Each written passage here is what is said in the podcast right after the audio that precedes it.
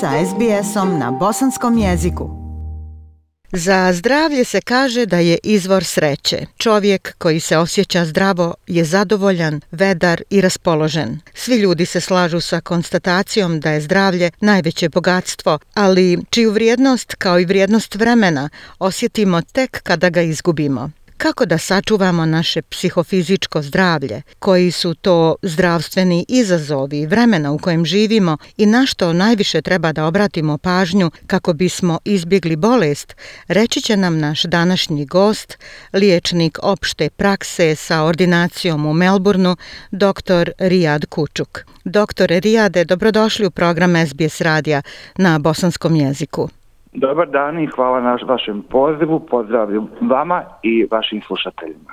Za početak možete li nam se predstaviti malo opširnije? Koliko dugo ste u medicinskoj struci, koliko dugo u Australiji i koja je vaša uža specijalnost?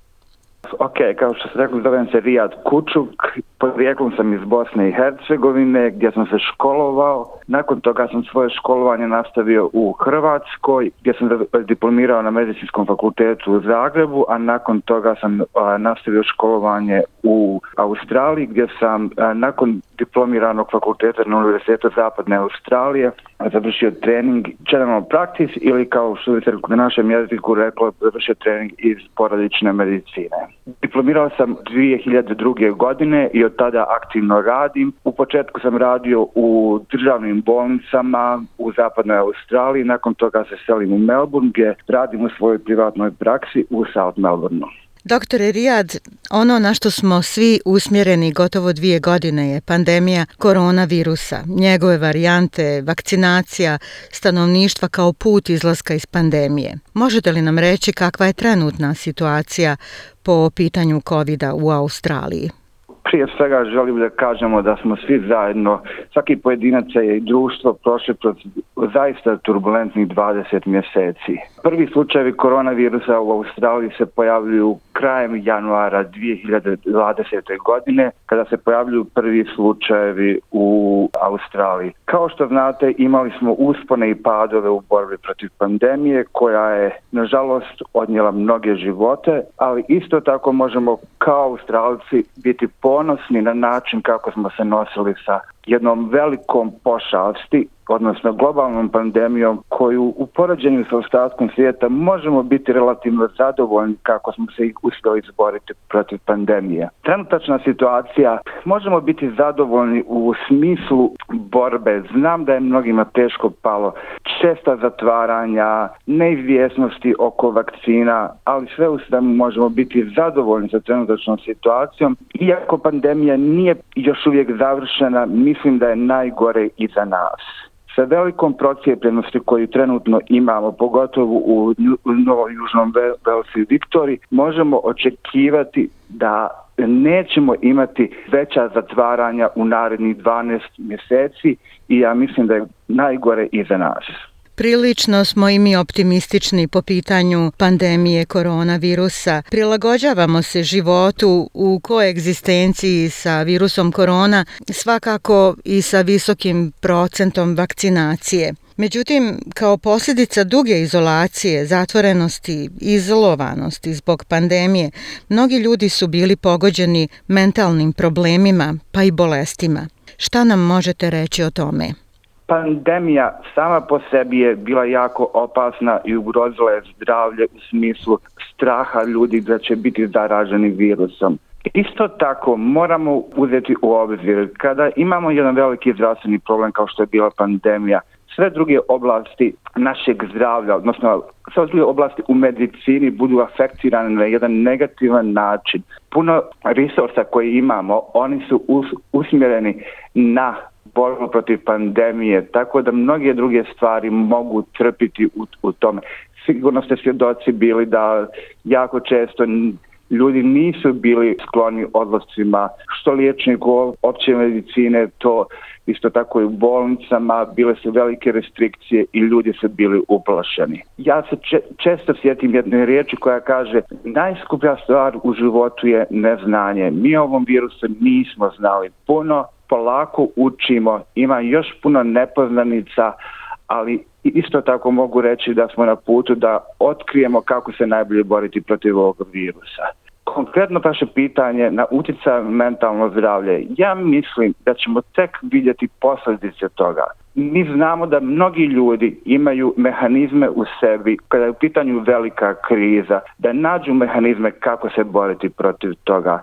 Ja sam malo uplašen šta će biti nakon svega ovoga kada se situacija slegne i upućujem apel svim ljudima koji osjećaju simptome razdražljivosti, iritabilnosti, lošeg raspoloženja, lošeg odnosa sa prijateljima, porodicom, da pod hitno traže pomoć pomoć postoji. Prvi izvor bi bio svakako kontaktirati vašeg liječnika opće medicine, kontaktirati i otvoriti se, reći šta vas muči i tražiti pomoć.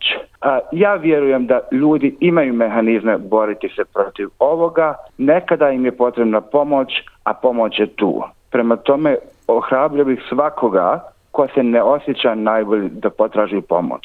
Da li vi imate možda, pored tog vašeg savjeta da ljudi potraže stručnu pomoć, da li imate neku preporuku ovako generalno, šta ljudi treba da rade da bi postigli duševnu smirenost? Kada imate krivne situacije, različiti ljudi reagiraju na različite načine. Treba napomenuti da mnogi ljudi u pandemiji su uh, našli uh, neke druge načine um, uh, kako se uh, boriti protiv svega ovoga u odnosu kako su se ponašali prije. Mnogi su se ljudi okrenuli puno više sebi, svoje obitelji.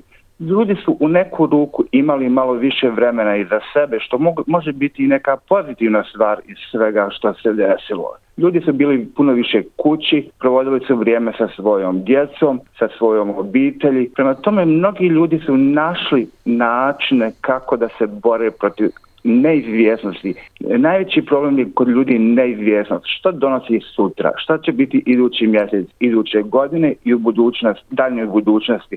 kao posljedica kroz šta smo prošli. Prema tome, svak je drugačiji i svak će naći neke svoje, može pronaći mehanizme u samom sebi u prilagođavanju, jer mi kao ljudi imamo mehanizme kojima se možemo boriti protiv ovoga Naravno, uvijek će biti određeni broj ljudi koji će trebati stručnu spremu, ali ja mislim da ljudi imaju otpornost da podnesu ove, ove, ove stresove koji trenutno se dešavaju oko nas. Dakle, mehanizmi su u nama samima.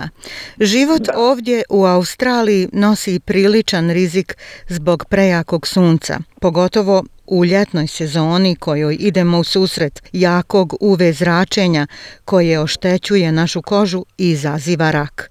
Australija je vodeća u svijetu po broju oboljelih od raka kože. Obzirom da nam sunce i treba zbog vitamina D, kako da uskladimo opasnost od sunca i tu blagodat koju nam ono daje? Šta treba da radimo? Ovako, prije nego što kažem konkretno što bi trebali raditi u borbi protiv, želio bih samo ljude upoznati da postoje dvije vrste karcinoma raka. Karcinomi raka koji su benigni, koji, se, koji ne ugrožavaju naše zdravlje, mogu imati kozmetičke posljedice, ali isto tako imamo i drugu vrstu karcinoma koji je maligan. E, to je jedan od a, najčešćih tumora u Australiku, zove se melanom. Ja vjerujem da su vaši slušatelji upoznati sa tim karcinomom. Procjena je da u 2021. godini smo imali oko 16.000 slučajeva. Prema tome, relativno čest i najčešća incidencija je u, e, najveća incidencija u svijetu je trenutno u Australiji. Postoje načini kako se mi možemo zaštititi odnosno smanjiti rizike od dobijanja melanoma. Prije svega, glavni rizični faktor za dobijanje melanoma je ultravioletna radijacija, prema tome izrazito izlaganju sunca.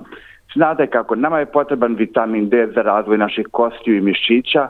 Vitamin D se ne mora dobiti iz sunca. Naravno, povremeno izlaganje sunca, pogotovo u ranim jutarnjim i poslepodnevnim satima, ne bi trebalo kompletno izbjegavati, ali morate biti informirani o tome kakav je dan. Na, u raznim sredstvima informiranja možete naći podatke o ultravioletnom zračenju pojedinih dana.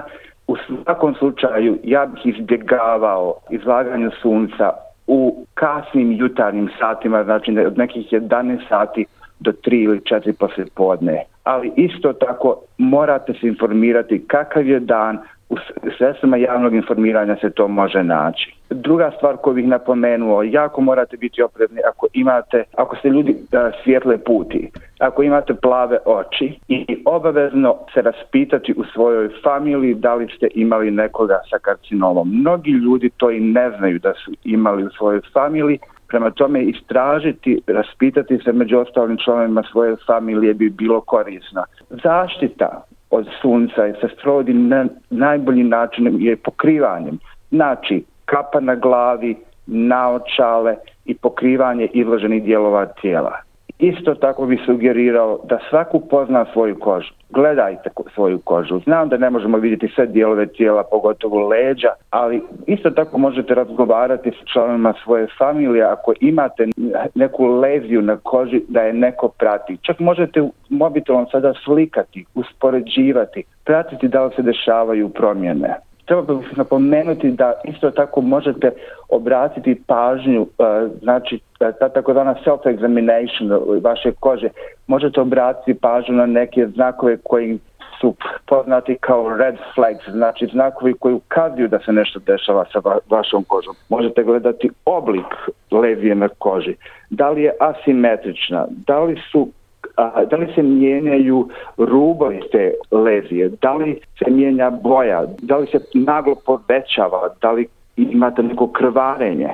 Ali u svakom slučaju, ako imate ikakvu zabrinutost da se nešto dešava, potražite stručnu pomoć gdje ćete trebati imati kompletno pregled kože od glave do pete. To tražite od svog liječnika. Svi se slažu da je prevencija osnova zdravlja. Zdrava ishrana, vježbanje, boravak na čistom zraku, to je recept na opštem nivou za sve. Doktore Rijade, šta vi preporučujete vašim pacijentima da bi povratili, a onda i sačuvali svoje zdravlje? Ovako, prije svega želio bih a, uputiti apel ljudima da upoznaju sebe mentalno i fizički, da se bave sobom, i što je najvažnije da uče o sebi i o svom zdravlju. Informacija imamo jako puno. U medicini ne znamo sve, ali jako puno toga je opće poznato i opće prihvatljivo. Naravno, sve se stvari moraju kritički eh, prosveđivati, ali imaju određene stvari koje znamo određeni risk faktori, e, rizični faktori za razvoj određenih bolesti idu ne od jedne bolesti, nego aktiraju mnoge bolesti, kao na primjer pušenje, petilost, nezdrava ishrana, nedostatak vježbe i, a, i ne njegovanje svog mentalnog zdravlja. Mentalno i fizičko zdravlje su uvijek isprepropeteni. Mi znamo da ljudi koji pate od depresije puno se skloni razvoju kroničnih bolesti. Isto tako ljudi koji imaju neke fizičke kronične bolesti u puno više imaju vjerovatnost razvoja a, psihičkih oboljenja kao što je depresija, anksioznost pa i neki psihotični poremećaj. Prema tome, isprepletenost našeg mentalnog i fizičkog zdravlja nam uvijek mora biti na umu. Zato je važno prepoznavati stvari i djelovati na vrijeme. Postoje stvari, kao što sam prije uh, uh, pomenuo, koje zaista možemo promijeniti u našem životu.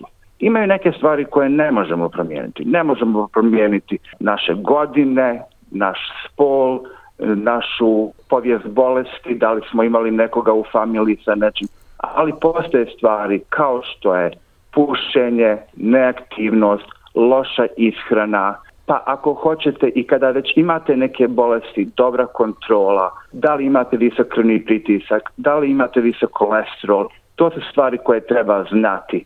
To su jeftini testovi, lako izvodivi, rezultate dolaze za 24 sata i vi možete djelovati ako imate neke promjene.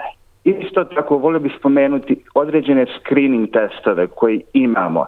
Kada kažem screening test, to vam je test koji možete napraviti koji će vam, ako je negativan, dati prilično, može vas osloboditi brige da nemate tu bolest. Isto tako ako je pozitivan, može se djelovati po tom pitanju. Naprimjer, u ženskoj skupini vrlo važno je da žene idu redovno na mamogram Jer ako nađete neku leziju na mamogramu, može se djelovati i može se tretirati. Znači, ne samo da se može održavati to, nego se može kompletno riješiti problem. Drugi test koji bi želio spomenuti za žene je takozvani cervical screening test. To vam je zamjeno za PAP test koji je donedavno bio e, takozvani gold standard test za identificiranje karcinoma e, cervusa maternice sada je puno jednostavnije raditi taj test, potrebno ga je raditi svakih pet godina, a ne svake dvije godine, tako da bih svakome sugerirao da se javi liječniku i obavezno obavi taj test svakih pet godina.